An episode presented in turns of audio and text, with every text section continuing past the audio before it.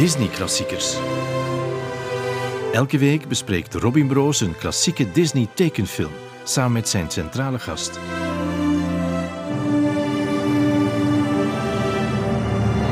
Welkom in de 58e aflevering van Disney Klassiekers. Vandaag met een bijzondere gast. Ze komt uit theater en media, maar heeft zich daarna helemaal heruitgevonden. Zij is oprichter van de Evolutie, een centrum voor yoga, meditatie en zelfontwikkeling. Ik heb het natuurlijk over Ingeborg Sergeant. Hey, oh my het is ochtend. Dag Robin. Ik klink als een oude heks uit een Disney-film. Dat heb je er nu zelf van gemaakt, hè? Ja.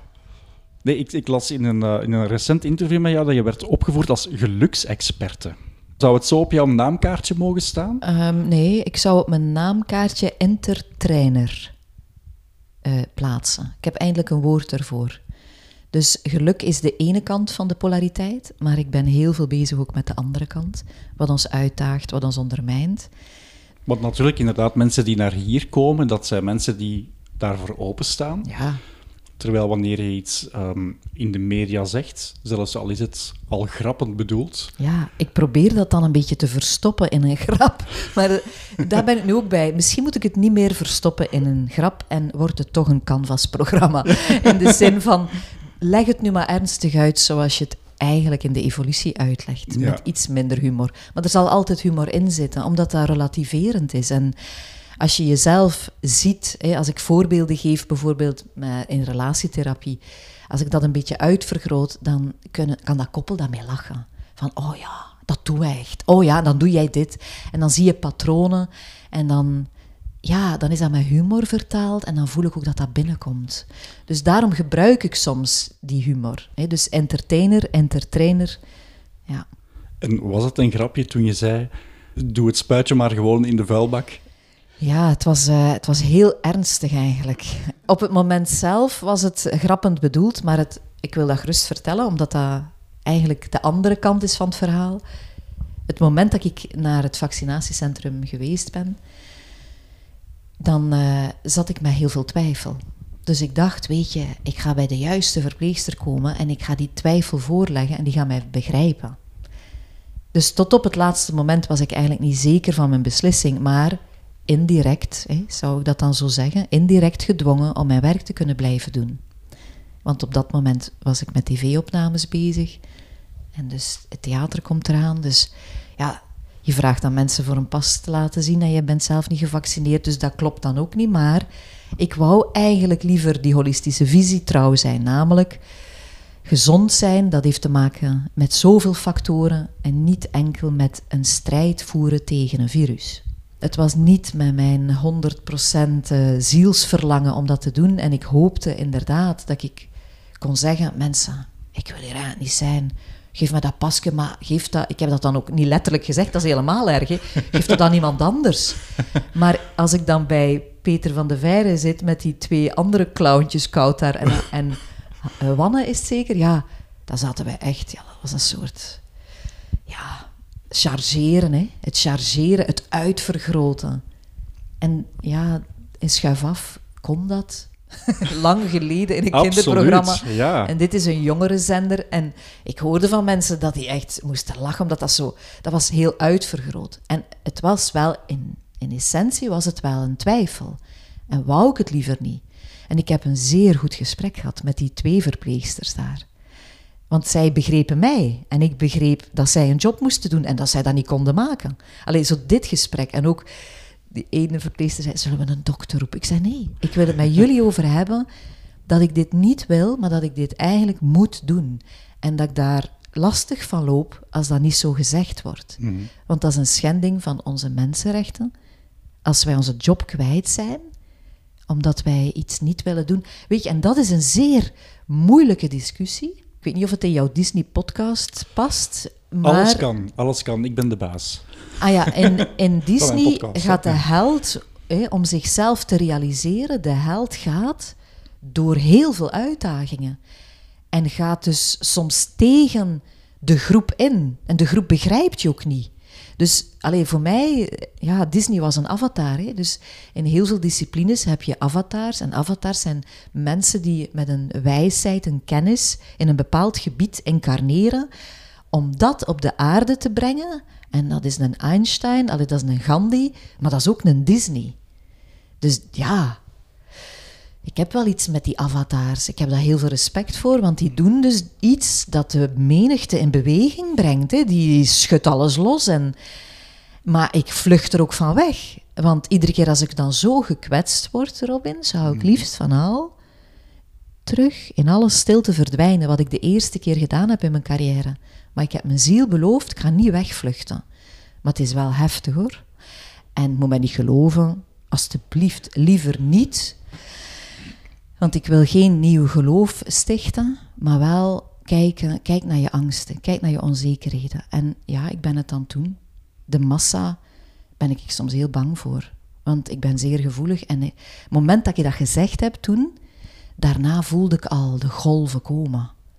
Dus helemaal op het einde van het programma heb ik zeven seconden gezwegen. Midden op M&M. Maar die drie andere mensen ook. En die zei, wat is er nu? Ja, ik voel dat het niet meer veilig is. Om nog iets te zeggen. Dus toen begon het al. Maar goed. Dat zijn de eerste zeven seconden op M&M dat er niets te horen was. Je had het over uh, avatars in je leven, ja, of in het leven. Ehm, als Disney zoiets uh, zou kunnen zijn, wat is het dan voor jou geweest? Uh, als, als kind bijvoorbeeld. Aan welke films heb jij iets gehad? Um, weet je, ik denk dat mijn, mijn, mijn, mijn, eigen leven de film was.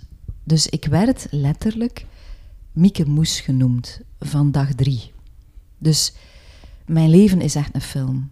Dus als je Mieke Moes, dat is West-Vlaams voor Mickey van Disney. Hè? Dus ik werd Mickey Moes genoemd, allee, omdat ze, ik was een Disney-figuurtje. Want ik was zeker niet Ingeborg, het kindje dat overleden was. Dus ik kreeg wel de naam Ingeborg als tweede kindje. Dat het, het eerste meisje is gestorven in een verkeersongeluk. Ze konden het niet zeggen, dus wat zeiden ze? Mieke Moes. Wauw. Mieke Moes. Maar dat is dus een Disney-figuurtje. En dus is dat Mieke geworden onderweg. Ze hebben nooit mijn Ingeborg-naam gezegd. Maar ik was wel ondertussen officieel Ingeborg Therese Marguerite Sergeant. Dus naar de tocht van individuatie, wat dan eigenlijk een natuurlijk proces is, is jouw naam, ja, dat heeft wel een betekenis.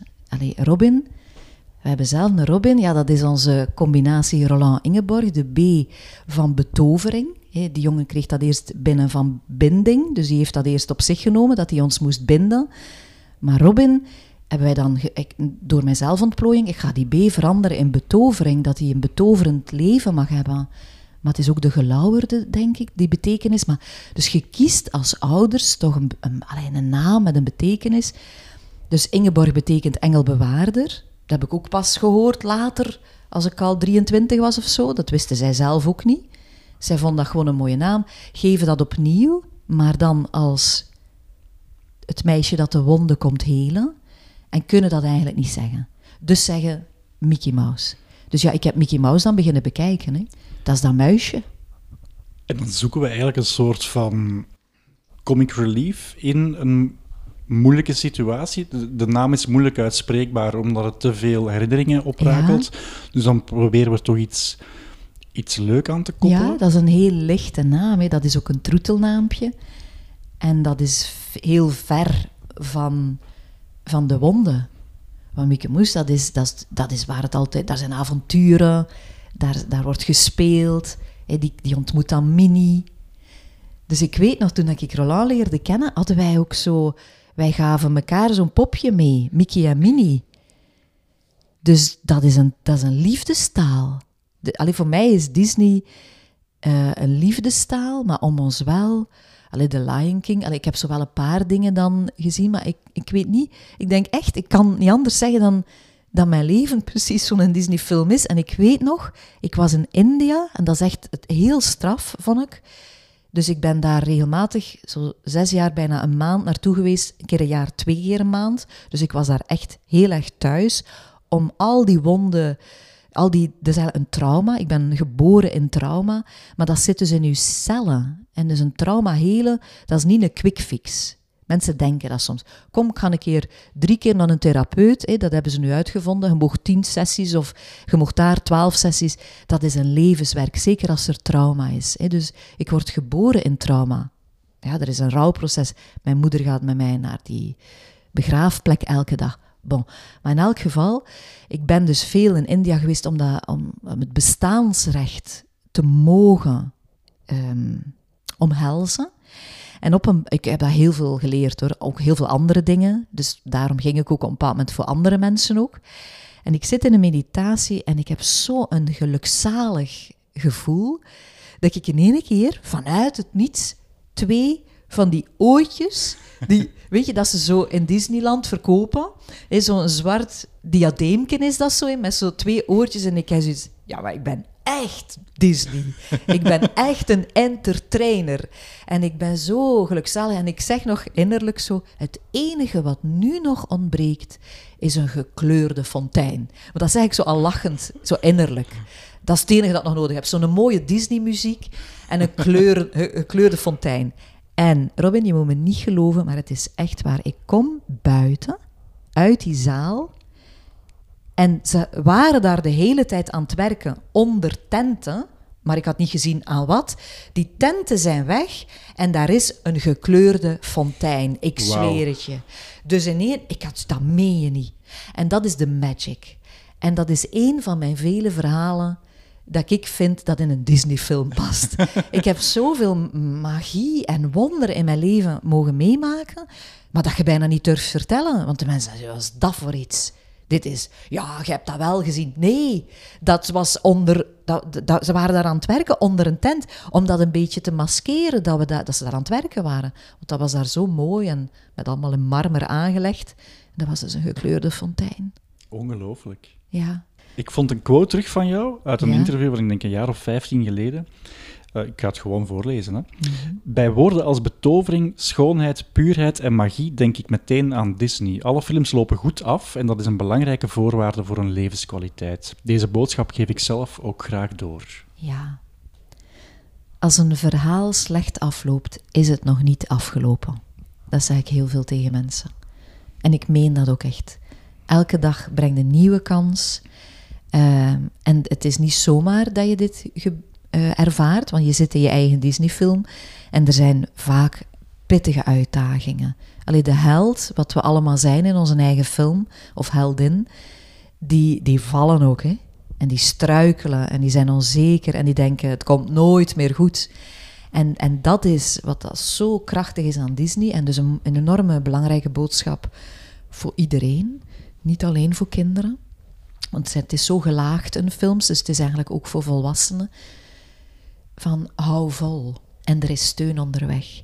En op een bepaald moment, als je het niet meer verwacht en jij kan blijven.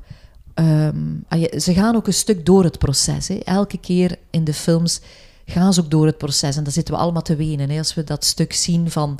Allemaal de mensen die nog een beetje gevoel hebben. en die niet verdoofd zijn door de antidepressiva. Heb ik dat gezegd?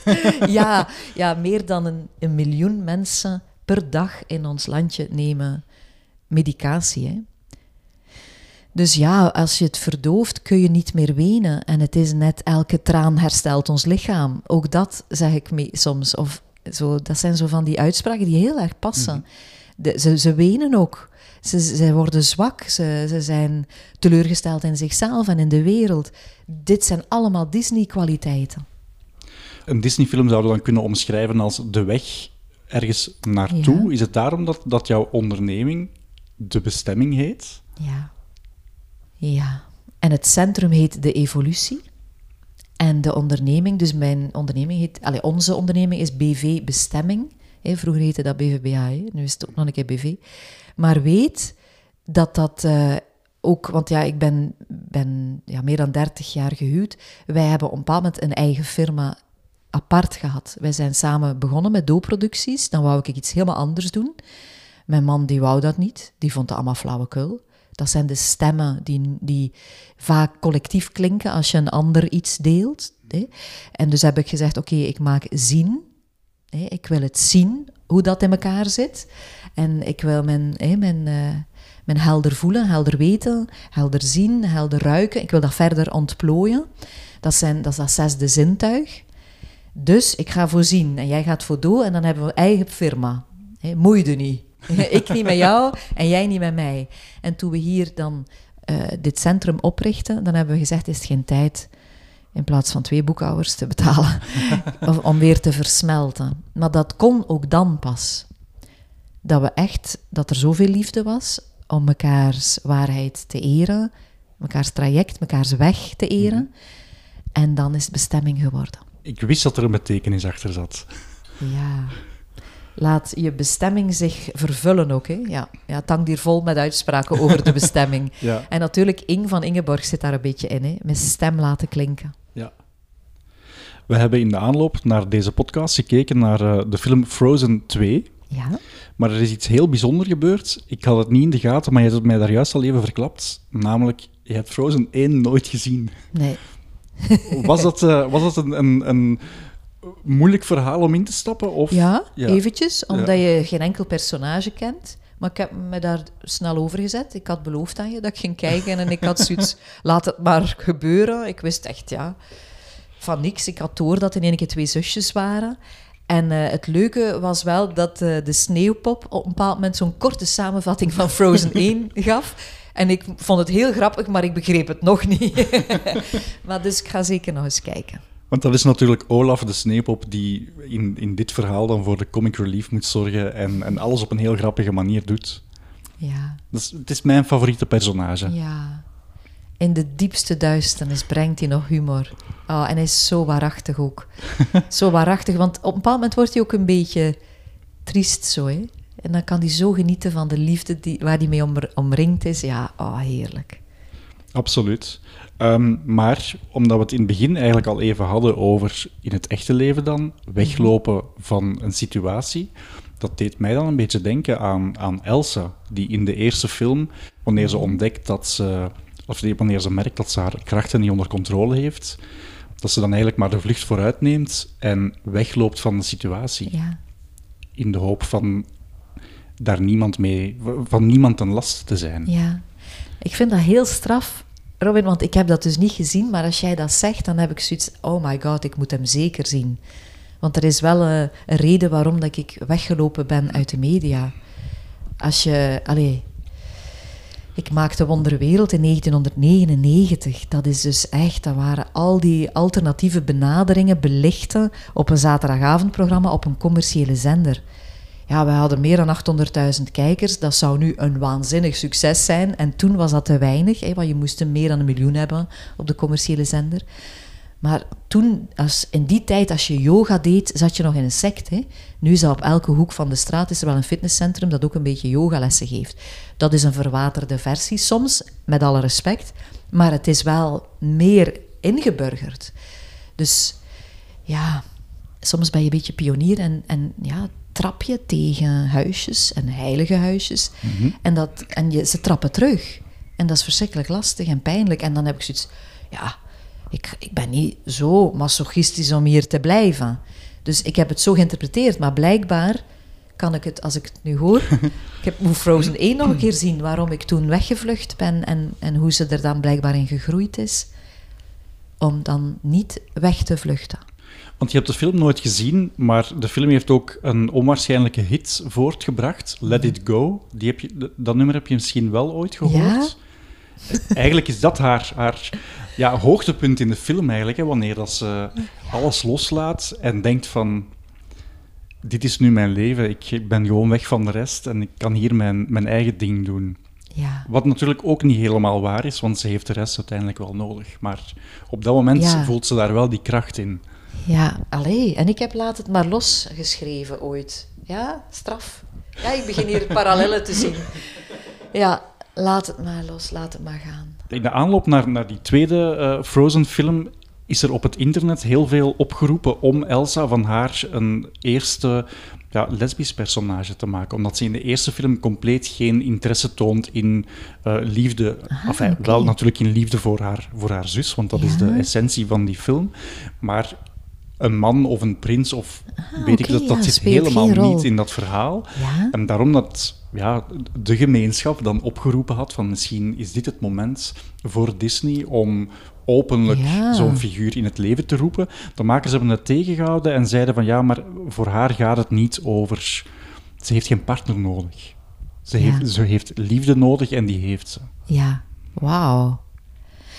Het is wel dus een hele sterke, onafhankelijke vrouw. Dat, eh, ja, dat heel sterk verbonden is, hè? Met dus zoveel...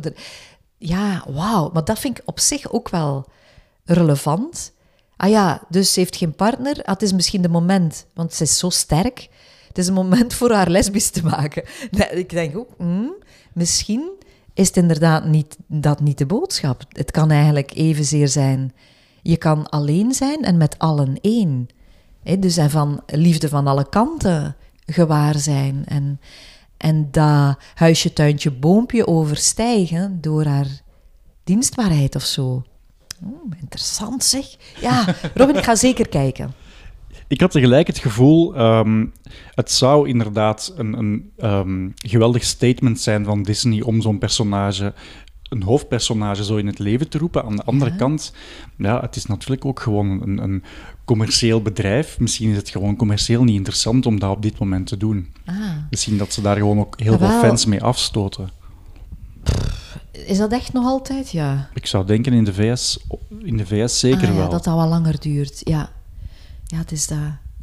En het was ook nog niet zo dus heel lang geleden dat er hier in Vlaanderen plots eh, stickers opdoken. Die doe eens gewoon met een streep door de regenboogvlag. Dus ik Ah, ja, denk dus- toch niet dat het zo ver gezocht is. Maar Nee, nee, maar inderdaad, ja, bij mij ligt dat zo evident dat dat, dat allemaal oké is en dat iedereen daar zijn eigen unieke uitdrukking geeft. Ik, ik schrik daar dan weer van. Dat daar zou kunnen nog altijd, ja, dat stigma of die censuur, dat dat daarop moest zitten. Oh. Het, het, weet je wat, ik, wat dat wij nu wel een beetje meemaken nu? allee, vooral Gordon. Gordon is, ja, is heel vrij in, op alle vlakken en vindt dat dat heel sterk eh, moet gepromoot worden bijna. Maar dat dat dan ook aan de andere kant overhelt. Dus daar komt ook commentaar op dat iets organisch eigenlijk... Het, nu wordt het nog weer speciaal genoemd en dat dat dan weer de bal mis is. Zo, daar zitten ze met K3 nu een beetje in, mhm. in, in, in de modder. Omdat daar zitten goede intenties achter. Want er is bijna elke keer een transgender in iedere uitzending. Of, of er wordt kleur binnengebracht. Er is een Thais meisje of een donker meisje. Allee, dus, of een jongen. Allee, ze, ze proberen het open te maken, maar het is precies alsof dat ons landje precies ook... Want er komt wel heel veel shit op. ja, ja, ja, absoluut. Dus we zijn daar nog aan het zoeken, de juiste toon vinden. En dat lijkt mij heel erg moeilijk om dan, want het gaat hier ook natuurlijk over een, over een commercieel bedrijf die de, de- ja, eigenlijk eh, bijna de consensusfiguur moet, moet kiezen op den duur. Want je wil ook, stel dat het publiek K3 nu de rug toekeert, omdat het, ik zeg maar iets, een transgender persoon is. Ah, oké, ja, kijk. Ik maar daar blij ben jij niet mee bezig. Ik ben er helemaal niet mee Nee. bezig. Maar weet je vanuit wat? hè? Van het is voor mij al zo normaal of zo. Zo normaal, zo normaal. Maar zo is het nu hoor bij K3. Het is, zonder, het is een andere tekst hoor, maar ik zing het als zo normaal. maar het is zo speciaal. Ik ga er gewoon een paar leuke weetjes in, in, in, de, in de groep gooien om het even over iets helemaal anders te hebben. Ah ja, wa- maar want- ik lig hier wel met geel met een... Ah, Oké, maar dan ga ik jou laten met mijn doen. Frozen Ja, 2, tuurlijk. hè? want Ah, we ja. hebben nog niet op Frozen 2 gehad, hè? Voilà. Ik ben benieuwd naar jouw analyse. Ah ja, Frozen 2. ah ja, ik heb die film bekeken voor iets. Of heb je er vragen over? Nee, nee, nee, nee. Ik wou gewoon zeggen dat bijvoorbeeld Elsa in de originele Frozen eh, altijd schoenen aan had, maar in deze film niet. En de animatoren hebben dan alles moeten herdenken, want ze hadden er nooit rekening mee gehouden, gehouden dat ze ook tenen moest hebben. Dus als je de, de voeten van Frozen 1 vergelijkt met Frozen 2, allee, als het dan gaat over, over Elsa, Ja. dan, dan zie je een opmerkelijk verschil. Het Is, is, ja, ik het ben... is een gratis weetje. Je ja, bent er het is een volstrekt niks en mee. het is zo mannelijk. Ja, waarschijnlijk, ja. Zo- daar zul ik nu geen seconde mee bezig zijn. Vanuit, laat mij... Heel, ik word meegenomen in de film. Het is Ja. wel leuk. Dan maak je mensen ook wel nieuwsgierig. Hè. Voor mij, wat ik meeneem uit Frozen 2 is dat je sommige uitdagingen alleen moet aangaan. Als ze zegt tegen haar zusje, want haar zusje wil echt mee en haar all the way steunen. En dat is hard om dan te zeggen: nee, ik ga alleen. Ik vind dat zo waar. Je moet sommige dingen echt alleen aangaan. Daar kan eigenlijk zich niemand mee moeien. en, want soms door goede bedoelingen zouden we meewandelen en zouden we het proces verzachten, maar het proces kan soms keihard zijn. Dus dat vond ik opvallend. Ehm, dat ouders bepaalde informatie achterhouden om de kinderen te beschermen, maar eigenlijk beschermen ze ze niet, ze verzwakken ze. Dus ik vond dat echt ook opvallend. Dat het systeem jou beïnvloedt en als het systeem familiegeheimen in zich draagt, dat je denkt, we gaan het er niet over hebben en dat verzwakt iemand. En is dat iets zonder daar al te zeer toe in detail te treden, maar is dat iets wat voor jou herkenbaar is, gezien er toch ook wel een, een, een, een groot trauma was voor jij was in de familie? Ja. Waar dat potjes die dichtgehouden Er werden? zijn verschillende potjes, onder andere, en dat is eigenlijk, dat staat wat verder hier, het verstoren van een bepaalde orde, dus intergenerationele gevolgen. Dus er zijn thema's met de grootvader. Ja, je wil het niet geloven, Robin, maar het is echt zo. Er zijn thema's met mijn grootvader. En dat heeft met de oorlog te maken. En dat heb ik zelf moeten ontdekken in een meditatie op mijn 32e. Dat is, ehm, Dus dat dat, is een, dat is een ja. familiegeheim. Hè? Dus ik was een meditatie, eh, zat ik uh, ja, innerlijke wereld. Hè? Uh, ik deed een meditatie rond vergeving. Hè? Dat is zo'n opleiding, je lichtlichaam ontwaken. Dat, dat zijn 72 meditaties. En daar, dat, be, dat bevat eigenlijk alles. Dat gaat echt van je innerlijk kind helen tot deelaspecten, tot ja, vergeving, tot liefdesrelaties, thema's op je werk. Daar zit alles in. En dus in volume 2, vergeving. En ik denk, ja, wie ga ik nog een keer vergeven? Ah ja, mijn, mijn, mijn eerste lieve, want die heeft mij in de steek gelaten. Hè? De Giro-leider daar. dus ik wil die vergeven, want ze zeggen, neem uw eerste lief, want daar kan soms pijn op zitten, wat een invloed heeft op je liefdesleven. Oké. En dat ging niet, want er kwam een foto in beeld dat bij ons thuis vroeger op de kast stond van een man dat ik niet kende. En ik duwde die foto weg. Ik ga Piet, ik ga, Piet ga ik vergeven. Hè. Die foto kwam terug. Ik duw die weg. Maar echt zo, ik kan even eigenzinnig zijn in mijn innerlijke wereld als daarbuiten. Ja. Dus de derde keer toont die foto zich in vuur. Echt zo van, het gaat niet goed met mij. En ik sta echt in, in, in vuur. Allee, ik, dat is een zuiveringsproces. Vuur is ook zuiveringsproces. En ik heb zoiets, ik weet niet wie je bent. Je staat bij ons thuis wel op de kast, maar ik heb nooit echt gevraagd wie dat is, want dat zijn foto's van mijn ouders. Ik vergeef jou. Onvoorwaardelijk, ik weet niet waarom jij vergeving komt vragen, maar ik vergeef jou. Helemaal. Die foto wordt rustig en die gaat weg. En ik kom thuis, want dat was in een cursus. En ik kom thuis en mijn moeder is op Robin aan het passen. De moeder van Robin was aan, aan haar zelfontplooiing aan het zorgen en mijn moeder zorgde ongelooflijk goed voor Robin. Die, dat was echt dat was fantastisch eigenlijk. En ik vraag haar, wie is dat? En dat is de papa van je papa. Dus dat is mijn grootvader. En die was in de oorlog aan de verkeerde kant. En uh, dat is doodgezwegen. En dus is dat bij Elsa, dus dat ontroerde mij ook zo. Bij Elsa 2 was dat ook zo. Maar die ouders hebben dat ook verzwegen. Dus de, dat familiegeheim wordt blootgelegd. En dus als dat zo is, als er een familiegeheim is, soms is het ook een miskraam of is het uh, een weeskinderen die dan je niet weet wie is die vader of ja. maar dat beïnvloedt er is een heel mooi boek De Fontein van een Nederlandse schrijfster een bestseller in Nederland nu rond die, dat intergenerationele stroom, als dat niet stroomt, dat is, dat is familieopstellingen ook, hè, dat is eigenlijk mijn werk hier nu, hè, mm-hmm. dan, dan beïnvloedt dat de kinderen, de kleinkinderen, maar ook de, de volgende generaties. Dus ja, ik ben al bezig met mijn voorouders daar rond te werken, want je wordt gewoon beïnvloed en je weet soms niet door wat.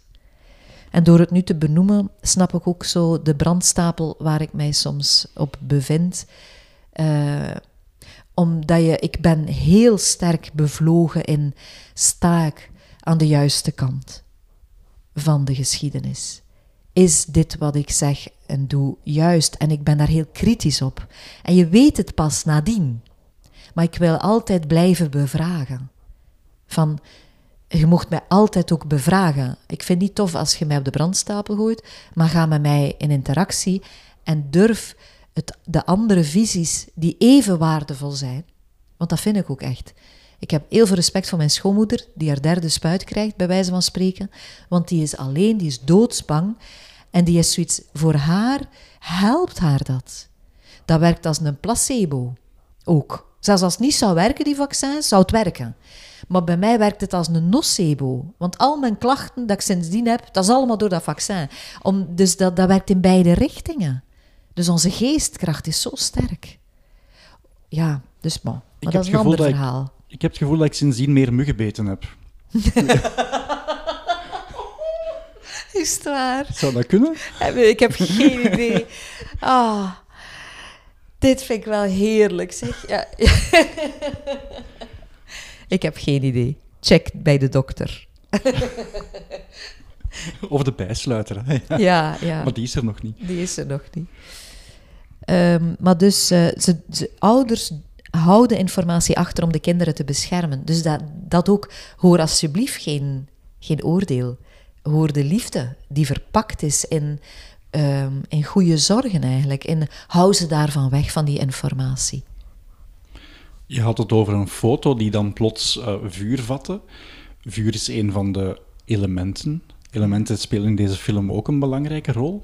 Um, is dat iets, ja, is dat op, op, een, op een interessante manier uitgewerkt? Want het gaat dan over um, ja, krachten, vier elementen, er is mogelijk een vijfde element. Ja. Hoe, hoe, heb jij dat ervaren? Ja, toen ik de, de stenen zag, ja, zat ik natuurlijk in Glastonbury. Ik werk soms samen met Tarit, die daar woont. Uh, die heeft een beeldje thuis bij hem staan. Nu gaan mensen echt zoiets hebben. Wat zegt hij nu? Dus die kan olie manifesteren. Dus ik heb dan Robin, onze zoon, daar naartoe meegebracht van eh, kijk eens even. En die zat heel te kijken wat een truc was. Hè? van kom het uit zijn armen. Uh, maar die heeft thuis ook een beeldje staan uh, in zijn persoonlijke ruimte daar, dat voortdurend olie geeft, olie manifesteert. En hij zegt ook, maar hij heeft, hij heeft een hele Britse humor. Ja, als ik dat zou zeggen aan mensen, ja, ik ben dat nu aan het zeggen, ja, maar als ik, hij dat zou zeggen, ja, dan zou dat een attractie worden. Dus hij wil dat helemaal niet, heeft daar ook geen enkele behoefte aan. Maar dus, ja, Glastonbury kwam natuurlijk in mijn systeem. Ik dacht aan Tarit en, en onze ervaringen die we samen al meegemaakt hebben. En uh, de alchemisten, die weten dat. Hè? Dus de alchemie is echt bezig met al die elementen. Maar ook ja, de medicatie. Allee, dus uh, die oude wijsheid, dat, dat zit ook in ons in ons archetypisch weten. Dus dat is interessant natuurlijk. Ja. Wat ik ook een, een, een, heel, ja, het was eigenlijk een heel grappig moment in de film, maar misschien is het ook wel een metafoor voor iets. Op een bepaald moment, Olaf de Sneeuwman denkt dat hij iets hoort. Mhm. En hij benoemt dat ook. Hij geeft je de naam Samantha en hij denkt de hele tijd dat Samantha in de buurt is. Ja. Zou dat ergens voor kunnen staan? Of, of... Ik, ik heb gelezen dat het uh, een, een, grapje was, een improvisatiegrapje van de stemacteur, van Josh Gads, die het gewoon tijdens de stemopname zei, en ze hebben het dan heel de film lang mhm. meegenomen. Maar volgens mij vertelt het wel iets meer. Ja, um, ik heb mijn, een hele bloednuchtere man. Uh, en uh, tegelijkertijd ja, was zijn uitdaging om met mij getrouwd te zijn, om het andere, het onnoembare, te verkennen. Zoals dat ik van hem moest leren om bloednuchter te worden. dus dat, was, dat is een mhm. perfecte combi. Uh, nuchter, gegrond, commercieel ook, durven iets manifesteren. Dat is echt zijn kant. Mijn kant is heel de andere kant. Hè. Je weet wel, of je denkt dat je het weet. Allee, ik heb het voor, tegen de mensen nu. En, maar het mooie is, en dus hij was, uh, op een bepaald moment was het zo heftig in zijn leven dat hij besliste om samen met een vriend, een wandelpartner, Stef, te gaan stappen naar Compostela. Tussen zijn 50 en zijn 60. Dus hij deed daar heel traag over. Ik zou dan gewoon vier weken of drie maanden verlof pakken en allee, zelf inplannen. Hij deed dat iedere, iedere, ieder jaar tien dagen. Zo tien jaar aan een stuk, totdat hij op zijn zestigste toekwam. En hij heeft daar dingen meegemaakt wat dat hij benoemt als het was met momenten dat ze dus eh, mensen tegenkwamen en ze hadden een gesprek, een totaal ander gesprek dan dat je op café voert. En hij zei op een bepaald moment was het precies alsof de natuur meesprak. Dus die velden bewogen mee met hun gesprek. En dat moet ik dan horen van een bloednuchtere man, hè, dat hij precies de natuur hoorde spreken. En de natuur is ook het bewustzijn en het bewustzijnsveld. En dus mensen die hier ja, transpersoonlijke counseling leren en zo, die hebben zoiets, oh, we krijgen precies kou of we krijgen rillingen of er was precies iets dat voorbij langskwam, maar ook fysiek. Die aanwezigheid en ja, dat zijn ervaringen dat je probeert te vertalen. En dan is het leuk dat de sneeuwpop er een naampje aan geeft. Hè, en dat dat dan ook zijn eigen leven gaat uh, leiden. Ja, en het doet mij ook een beetje denken aan het, het, het, vijfde element dat er aan toegevoegd moet worden, wat eigenlijk de brug moet slaan tussen wij mensen en de natuur. Mm -hmm. Eigenlijk heeft het allemaal wel wat met elkaar te maken. Ja, maar onderschat Disney. Echt, onderschat ze niet. Hè? Want het zijn, het zijn hele straffe mensen die dat daar uh, creëren. Het kan niet anders. En het is nog altijd in de geest van Disney. Want dat is zo sterk. Heb je dat ooit verteld in je podcast? Dat er zo de brainstorm mensen van Disney, dat die apart bleven van de praktische geesten? Oh, prachtig is dat toch? Hè? Ja, dat is een heel interessante structuur van, van, van werken natuurlijk. Ja. ja. Omdat je merkt, als wij hier brainstormen en het wordt te snel... Wij zetten dat trouwens in de kalender, brainstroom. Kom, we gaan aan een brainstroom. Dat mag stromen. Wanneer stroomt het niet meer als de... Ja, maar hoeveel gaat dat kosten? Ja, maar is dat wel mogelijk? Kunnen we dat wel creëren? Ja, maar gaat er dan wel volk voor komen? Zo, die ja, ja, ja maars. Ja. Ah. Er is altijd wel iemand in de brainstorm die praktisch begint te denken, ja, waardoor, waardoor de creativiteit helemaal opdroogt. Ja, en de stroom is belangrijk om tot nieuwe ideeën en inspiratie te komen. En eigenlijk mag je dan niet ingrijpen in dat proces. En dat vond ik, als ik dat ooit hoorde, dat Disney dat dus ook door had en dat liet gebeuren. En de praktische mensen zijn heel belangrijk, want je moet het. Allez, ik vind dat ook waardevol. Je moet niet. Maar ik merk wel, mensen worden ongelukkig als hun dromen niet gemanifesteerd worden, als het niet in de, in de vorm komt. Ja, je bent nu in ons huis, ik weet niet of dat je al een keer in de zaal rondgelopen hebt, dat is echt een manifestatie van een, van een droom. Van ik heb zeven jaar dat zitten tekenen. Zo, en ja, we gaan ernaast wonen. Nee, we gaan erboven wonen. Allee, dus dat is echt een, ja, dat is een creatie. We hadden bijna de podcast daarop genomen, maar dat was dan te veel galm geweest. Ja, ja, de galm is Ja. daar, hè. Het is Ja, een mooie akoestiek, tuurlijk. Maar, ja, eh, en als je daar zingt, is dat... pff, Ja, ik heb veel ruimte nodig rond mijn hoofd. Over zingen gesproken, ja, muziek is in Disney-films altijd ontzettend belangrijk geweest. In dit geval ehm, zijn de liedjes geschreven door eh, Robert Lopez en Kirsten Anderson Lopez, een koppel die het ook voor de eerste Frozen gedaan hadden.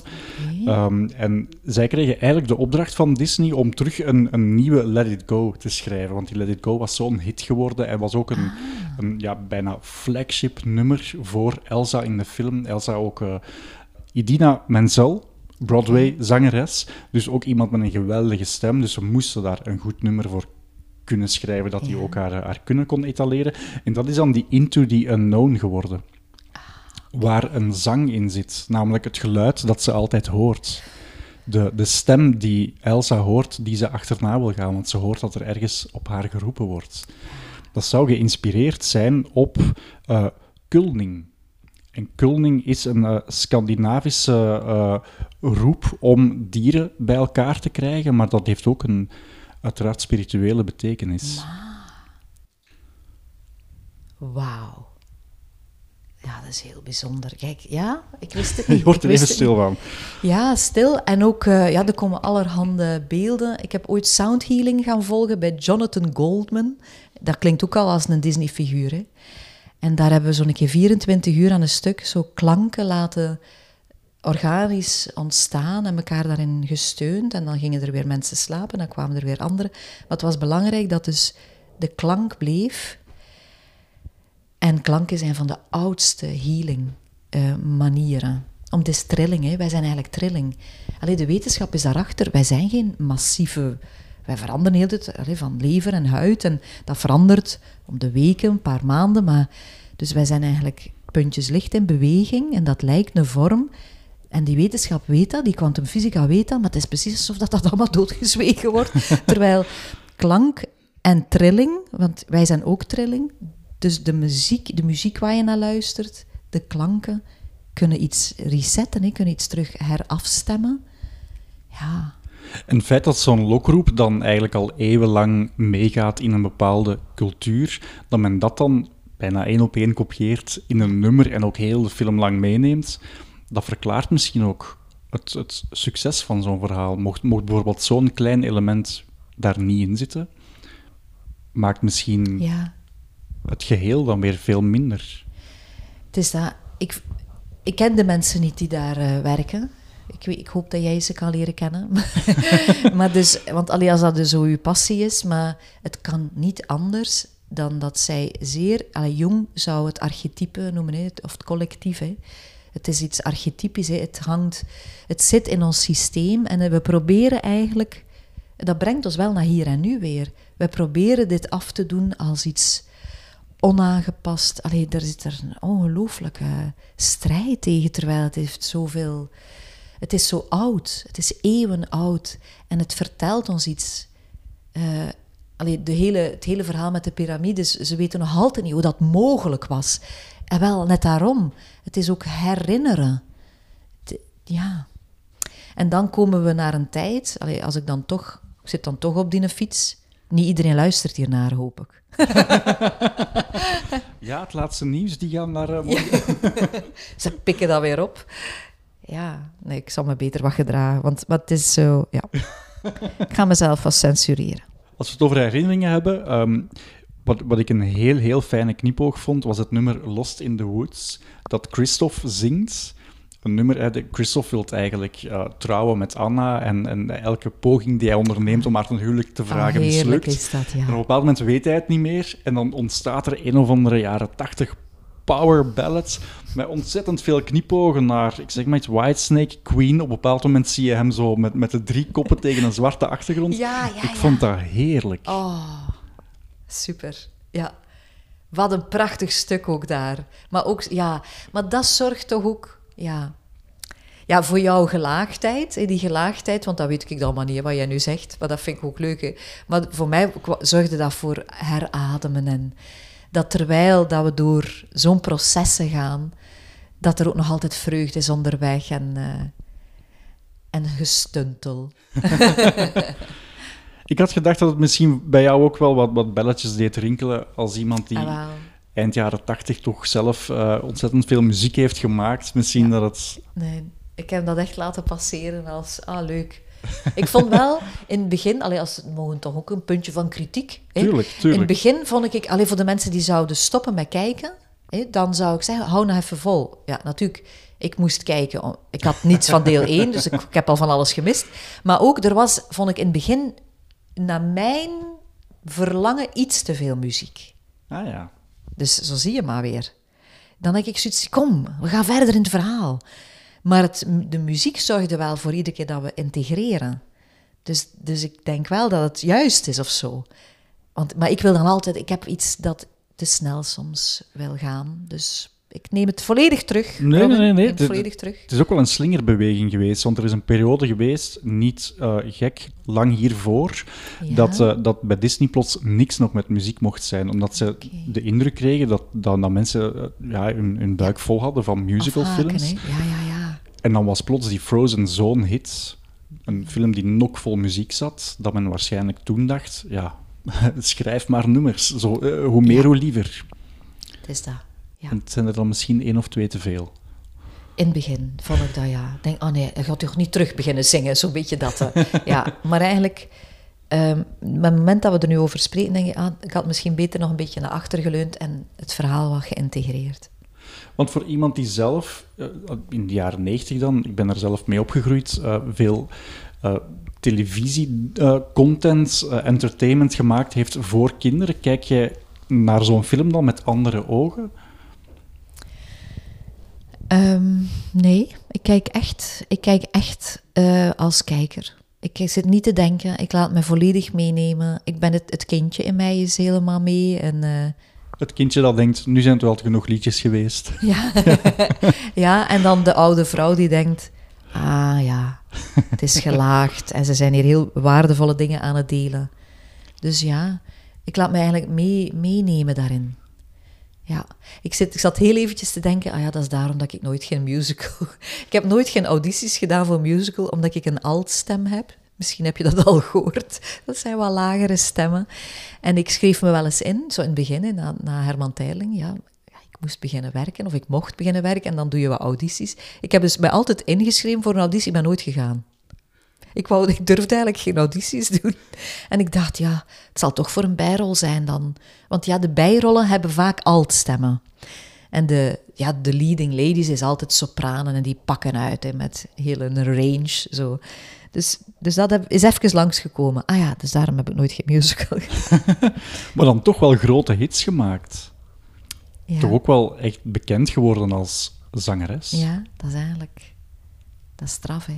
Ja. Weet je dat zij mij op Herman Teiling elk jaar naar Den Haag stuurde voor een stemonderzoek? Omdat ze zei, ja, maar je moet hoger kunnen zingen. Maar ik wou niet hoger, hè. Zo, ik ben ook een koppige ezel, hoor. Maar dus, iedere keer dus naar dat stemonderzoek in Den Haag, zo hele strenge mensen die zo naar mijn keel keken. En dan daar van alles deden, precies ook. En dan, het verslag was, je hebt de stembanden van een sopraan en je zingt als een alt en het klopt niet. En dan had ik zoiets, maar ik hoor het niet graag. Als het te hoog is, dan wordt het te schel. Niet bij iedereen, maar sommige stemmen vind ik echt te scherp als ze in de hoogte zitten. Ik hoor graag lage stemmen. Dus ik kleurde mijn stem blijkbaar donkerder dan mijn stembanden zijn. En dat was dus miserie. Dus dan was ik net een jaar uit school en dan mocht ik naar het Songfestival en dacht ik, nou. Zo. En het stond te hoog, Robin. Prachtig, prachtig. Het nummer stond te hoog toen. Maar goed, En toen zong je eigenlijk al over de weg ergens naartoe. ja, dwars door alles heen. Tegenwind.tv. Ja, door de wind. Ja, ja, ik heb het er weer tussen Ja, geflapt. ja. Wie het gehoord heeft, heeft het gehoord. Ja, zo. ehm, natuurlijk, dat is, dat is een tekst eh, van, van Stef, eh, Stef Bos, hè, waar eh, mijn vriendje en zijn mama had toen kanker. Dus het was eigenlijk voor haar. Maar dus ook, zo zie je maar, hè, wij leefden toen ook al wel een beetje. We, ja, ik heb precies altijd wel zo in relaties gestaan dat we elk onze eigen weg gingen. Eh, ja, maar dat is interessant. Allee, ik vind dat interessant omdat je dan je eigen ontplooiing ook volledig gaat. Hè. Zo. Ja, eigenlijk een straffe tekst. Ik voel me, voel me je naast Ja, me als ja, ik s'nachts op straat wil vergeten. Ja, het is, het is toch een goede tekst, ja. Ja, ik luister daar nog altijd graag naar. Pas op, ik vind die nieuwe versies nog veel mooier hoor nu. Allee, dus dat is nu echt gegroeid. En, en Stef had toen weerstand tegen dat uithalen. Hij wou dat eigenlijk helemaal niet. Hij wou dat dat heel klein bleef. Maar ik vind dat mooi om hem nu ook weer in die evolutie te zien dat hij vrede krijgt met zijn Hollands stuk, want dat is zeer Hollands. De, de Hollanders kunnen zo uithalen. Hè? Wij hebben daar, ja, we kunnen dat waarschijnlijk ook wel. Maar wij zijn dan toch zo nuchter en kleiner soms. Dus ik ben heel dankbaar dat het liedje ook weer een nieuw leven heeft kunnen leven. En eigenlijk ben je nooit met zingen gestopt, hè? Het is niet omdat Nee. dat we jou niet meer elke dag op de radio horen, dat je er niet meer mee bezig bent. Ah, ik ben eigenlijk ja, nog altijd... Ik heb heel graag meezingconcerten. Dus mijn laatste cd zijn allemaal mantra's uit verschillende tradities. Ook mantra's die ik zelf geschreven heb. Eh, heb onder andere voor eh, Ik aanvaard, is echt voor Robin geschreven. Allee, je mocht dat nu weten, omdat jij Robin heet. Hè. Zo op het moment dat hij uitvloog... eh, ik aanvaard, ik accepteer, ik leg mij neer bij wat de liefde mij wil leren. En liefde voor, u, voor uw zoon of uw dochter, dat is echt ook loslaten. Dat is hen echt helemaal vrijlaten. En dat gaat daarover... Ik heb dat zo aan zee geschreven. En ik vind dat wel fijn dat ik op die manier mag zingen. En nu met de revue met Stanny Krets. Ja, ik heb, ik heb dus mijn eigen beloofd dat ik tegen alles ja ging zeggen. En toen kwam Stanny en Dirk van voren naar hier en ik zei, maar daar zeg ik nee tegen. Echt te zucht. En Stanny vond dat heerlijk. Hè. Die zeiden, ja nee, ik heb het beloofd. Je hebt ja gezegd.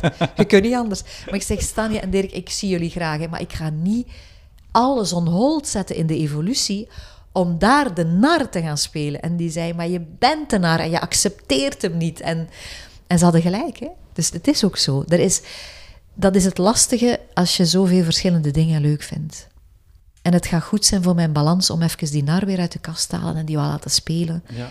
En dan februari ga ik terug in mijn sereniteit. Ik moet ook wel toegeven dat ik daar persoonlijk ook wel een beetje gebruik van gemaakt heb. Ik herinner mij dat we ehm, voor het eerst met elkaar belden over al dan niet langs te komen, of, of dat ik zou langskomen om een podcast op te nemen. En dat je toen zei, ik zeg op alles ja, maar eigenlijk zou ik nee moeten zeggen. Ja, dat is allemaal die fase. hè. Ah ja, dat is dus al lang bezig nu. Hè? Maar je wil niet weten, Robin, ofwel hoeveel er dan gebeurd is. En dat is voor mij Disney. Als ik innerlijk zeg, kijk, ik ga niet psychotherapeut fulltime zijn. Want ik mag dat nu zijn in deze periode. Het, want de zorg mocht blijven werken en was ook hard nodig. Want iedereen begon te flippen. Allee, ik zeg het heel stout nu, maar iedereen had heel heftige uitdagingen. Financieel, allee, economisch, op liefdesvlak. Kinderen in dezelfde flat met één laptop. Heftig. dus heel veel angsten ook. Dus ik had dus voluit van dienst gegaan op dat vlak, maar ik had zoiets, maar dit is niet hoe ik wil leven. Dus ik heb hier nu zeven jaar voor gestudeerd, ik heb al de diploma's, ik ben terugbetaalbaar door de ziekenkas. En nu heb ik zoiets, oh my god, wil ik dit wel? En dat was zo straf dat ik dan zei, oké, eh, toon het mij en ik zal op alles ja zeggen. En ik had niet gezegd tot wanneer, dus ik heb nu ondertussen in een nieuwe meditatie gezegd, ik zeg nog ja tot het eind van het jaar. en dan is het echt klaar. Want het is zo heftig. Dus het is nu om dingen te vragen. Ja, ja, ja. Maar het is alsof dat iedereen het opgepikt heeft. Ja. Heb je nog iets op jou, op jou want je hebt een mooie voorbereiding meegebracht. Ik vind het stukje van Elsa en de- de strijd met het paard, ik vind dat een ongelooflijk belangrijk stuk. Dus zij vecht op een bepaald moment midden in haar strijd, in haar, ja, haar zelfrealisatie eigenlijk, hè, haar werkelijke bestemming. Eh strijdt zij met dat paard. En er kwam echt, de Bhagavad Gita kwam echt in mijn systeem. Dus dat is eh, een beetje de Bijbel van de Hindoe-traditie. Dus de yoga-traditie is een Hindoe-traditie. En zij geven aan Arjuna, dus Krishna geeft eigenlijk tips aan Arjuna om in het leven te staan. En onder andere is het de metafoor daar, je gedachten zijn als wilde paarden. En de, die gedachten gaan met jou op de loop. Dus die gedachten, die kunnen zo negatief zijn en voortdurend je ondermijnen, verzwakken, omdat jij die gedachten gelooft ook. Dus heel de yoga-traditie is eigenlijk op de Hindoe Bhagavad Gita gestoeld. En wat wordt daarin gezegd? Word meester van die gedachten. En dan zeggen zij, het symbool is dan die paarden, dat jij de teugels in handen hebt. Of zij gaat op dat paard zitten. Allee, voor mij was dat echt, ah, zij gaat dit besturen. Dat waar zij mee vecht. Hè, dus wat ik zou kunnen zeggen, de collectieve onwetendheid, om het even elotin te zeggen. Hè, want ik krijg dan nu doodsbedreigingen met brieven van Gautin. Zo, hè? Ja, ja, ja. Je wil Oh, niet weten, hoor. Mensen maar... zijn soms echt verschrikkelijk. Ja, ja, maar ik laat het binnenkomen. Het is mijn, mijn eh, individuatieproces. Hè. Mijn, van kom aan, laat het binnenkomen. Want misschien klink ik wel zo soms, dat ik het niet altijd in de gaten heb. Maar het is eigenlijk vanuit mensen. Uw gedachten zijn uw gedachten niet. Hè. Je, je hoeft ze niet te geloven. Want collectieve gedachten zijn zeer negatieve gedachten en angstige gedachten. En als jij dus daar Ehm, dus wat, dat, wat je bij Elsa ziet, als je het dan zou vertalen, die strijd met dat paard, zij heeft, zij heeft eigenlijk angst van haar krachtdier. Want dat dier gaat haar helpen. Dus angst voor dat waar je, waar je tegen vecht of zo. Dus ik wil niet vechten met het collectief. Ik wil in interactie gaan met het collectief. En elke keer opnieuw proberen te verduidelijken waarom zij zo boos zijn op mij. En bij, eh, want het gaat niet zonder slag of stoot. Wanneer er een stoot is, dan ook leren om er niet altijd van weg te lopen. Ja, want wat ik nu gedaan heb, is eerst bekomen. Ik ben echt, ja, ik lag op, ik lag op de grond met blauwe plekken en brandvlekken. En, allee, dus Figuurlijk mag ik hopen. ja, ja, Disney-gewijs, hè. Disney-gewijs, de tocht van de heldin, het was weer van dat, hè. Dus de, het herhaalt zich, het patroon. En daarom ben ik weggegaan. En nu blijf ik. Niet lang, want ik, echt waar, ik kan dat eigenlijk niet aan. zeg ik nu zo. Maar ik meen dat echt. Ik kan dat eigenlijk niet aan. Ik ben daar eigenlijk veel te gevoelig voor. Maar het is die gevoeligheid als kracht zien en die meenemen. En ik heb daar tijd voor nodig om zo'n verhaal te kunnen vertellen. En ik ben eigenlijk het best met mensen, eh, met kritische mensen die mij interviewen. Oké. Misschien is dat een job voor jou nog, Robin, dat jij mijn kritische... Ben ik kritisch genoeg? Nee, je mocht kritischer zijn. Ik durf al bijna niet meer. Ja, maar doe maar, doe maar. Ik wou eigenlijk gewoon aanvullen, dat, want, want wat je vertelde over ehm, de symboliek met het paard is ook hier niet toevallig gekozen, maar het komt dan uit een heel, heel andere hoek. Ehm, in de Noorse mythologie zou, ehm, zou de paarden symbool staan voor de, de, de kracht van water. Oké. En de salamander wordt dan weer gezien als de kracht van vuur. Ja. Waardoor dat we dan het grappige eh figuurtje hebben, de blauwe, de blauwe Ja. salamander in de film. Ja, de, eigenlijk, dat is de draak, hè. Dat is Ja. de vuur, het vuurstuk. Ah, dus de kracht van water is dat wat dat zij wil eigenlijk haar eigen maken. Want zij zorgt voor de verharding, het ijs. Oh, wauw. Dus die polariteit van haar kracht. Ah. Oké. Waar mensen misschien spontaan denken, ja, maar dit is maar gewoon een verzonnen verhaaltje. Nee, nee, er zit wel degelijk een, eh, Ah ja, een ah ja want dat is wat, dat, is wat haar kracht is. Dat... Dus, oké. Zelfs heel het concept van die ehm Nortultra, de, de, ehm, ja, de stam eigenlijk, hè, die, die ze dan gaat opzoeken. Hè. Er, er is een, een stam die ehm, in conflict leeft met Arendelle, het eh, rijk waar ze zelf dan Ja. koningin van is. Dat zou ook geïnspireerd zijn op een bestaande stam, de Sami in Noorwegen. Ja. En men heeft ja, de, de vertegenwoordigers van ja, de, de, de nabestaanden van die stam echt om toestemming gevraagd. Van, mogen, we, mogen we dit verhaal incorporeren in onze film? Want we zouden vooral niet willen dat jullie achteraf het Oh. gevoel krijgen van ja, maar ja, we worden hier uitgebuit voor een of ander commercieel product. Dus die waren eigenlijk ook betrokken bij elk facet van het schrijven van dit verhaal. Ja, en dat, ja, kijk, ik ben echt, ik ga naar al je, je, je podcasts luisteren. maar ja, voor de Robin. weetjes. Nee, niet maar, voor de kritische vragen. maar, maar dat, hoe, hoe mooi is dit gaan toestemming vragen? Want dus, om het nog even over mijn grootvader te hebben.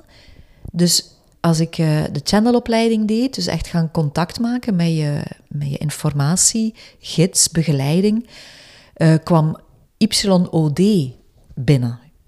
Dus ik kreeg informatie, schrijf het op, YOD, J. Ja, ik wist niet wat dat wou zeggen, hè, dus ik ga dat opzoeken. Dat is eigenlijk de, het Joodse alfabet, is de eerste letter van het Joodse alfabet. Dus ik heb gemerkt in mijn ontplooiing en ja, mijn zoektocht, dat, het, dat ik heel sterk verbonden, mij heel sterk verbonden weet met het Joodse.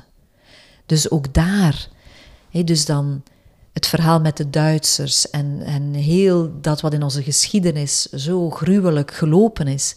En dan zoveel affectie met de Joodse gemeenschap en daar ja, de shalom gezongen op Beyond Religion en voelen dat dat zo klopt.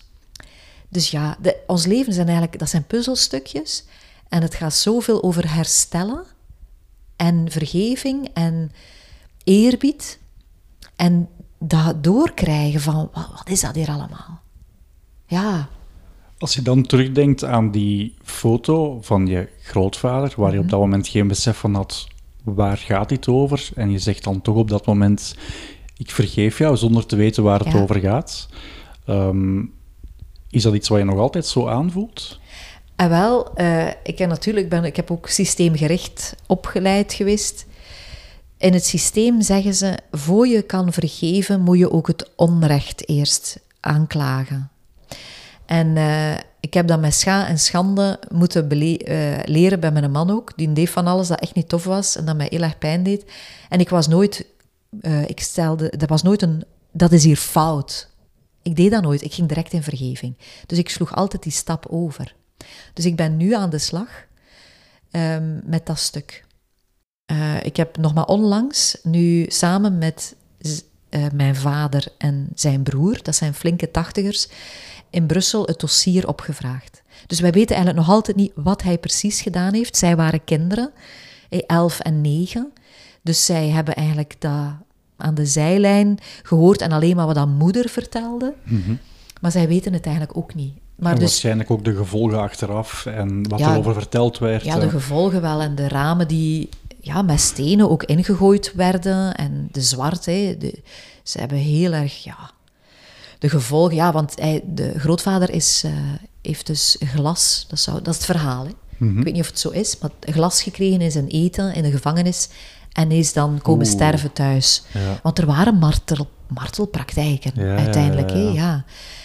We zijn niet zo braaf allemaal. Hè? Dus zelfs als de persoon opgesloten werd. Maar goed, hij is komen thuis sterven als mijn vader dan 14 was.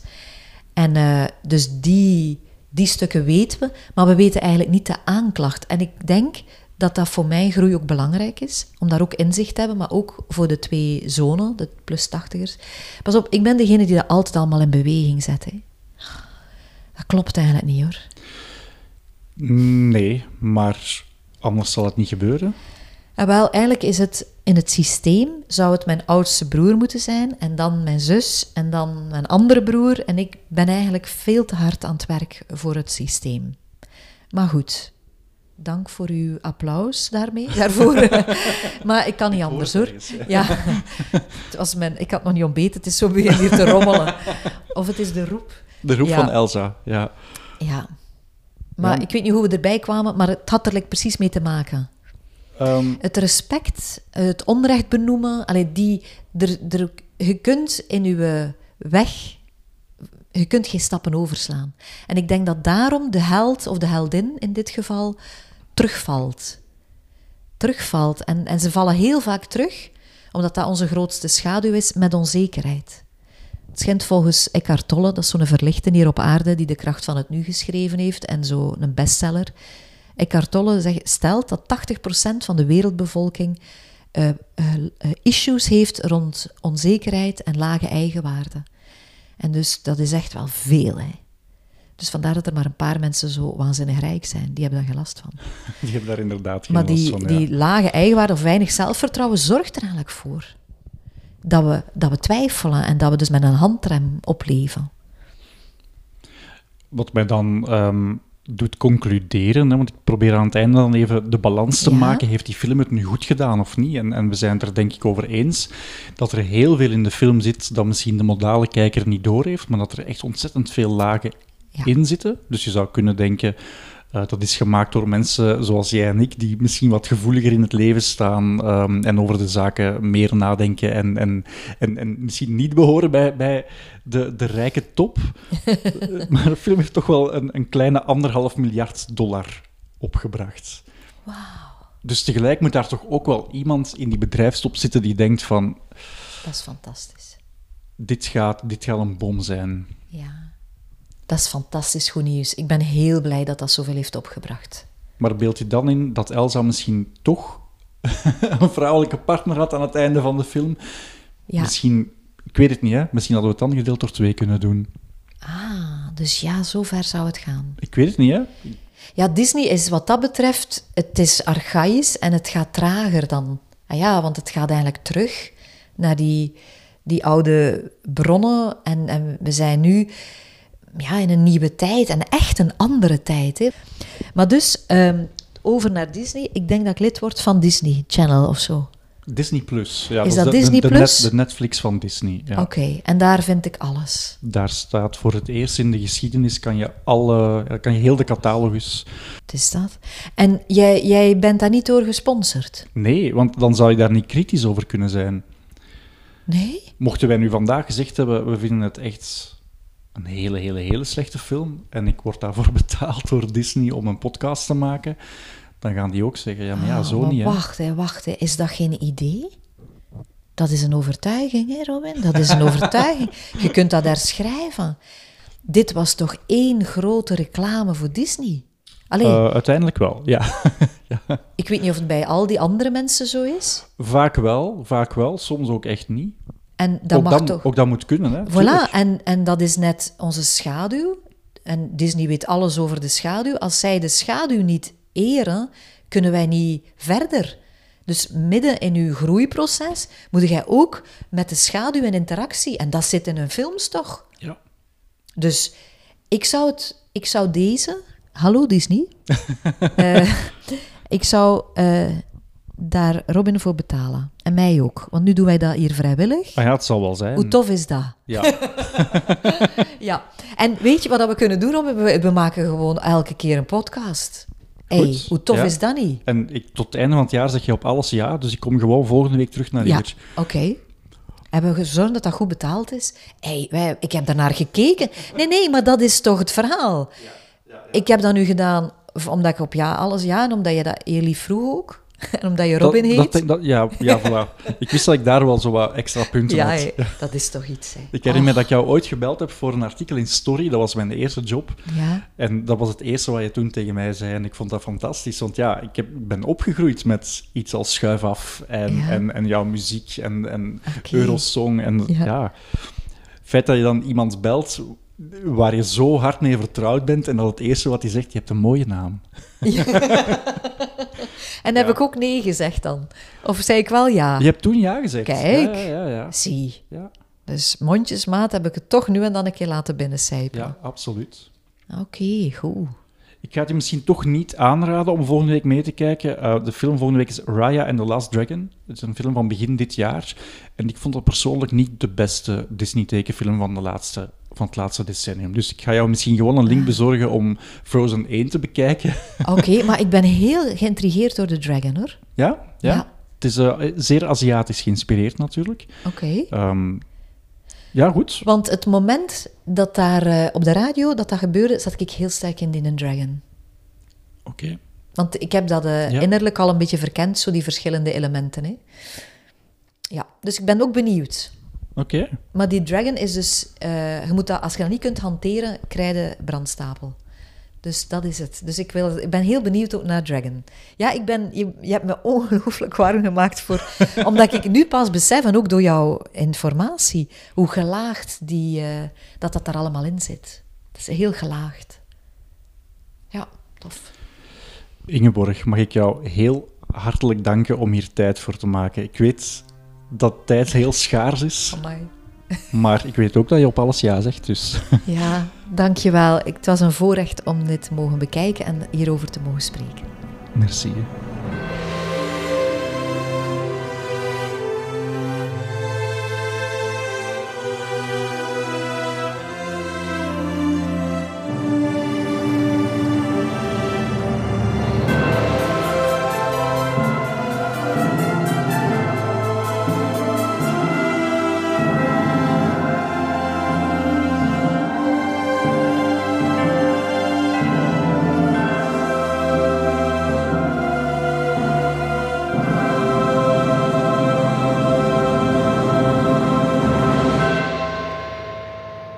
Al je vragen of opmerkingen naar robin.robinbroos.be of post ze onder de hashtag Disneyklassiekers.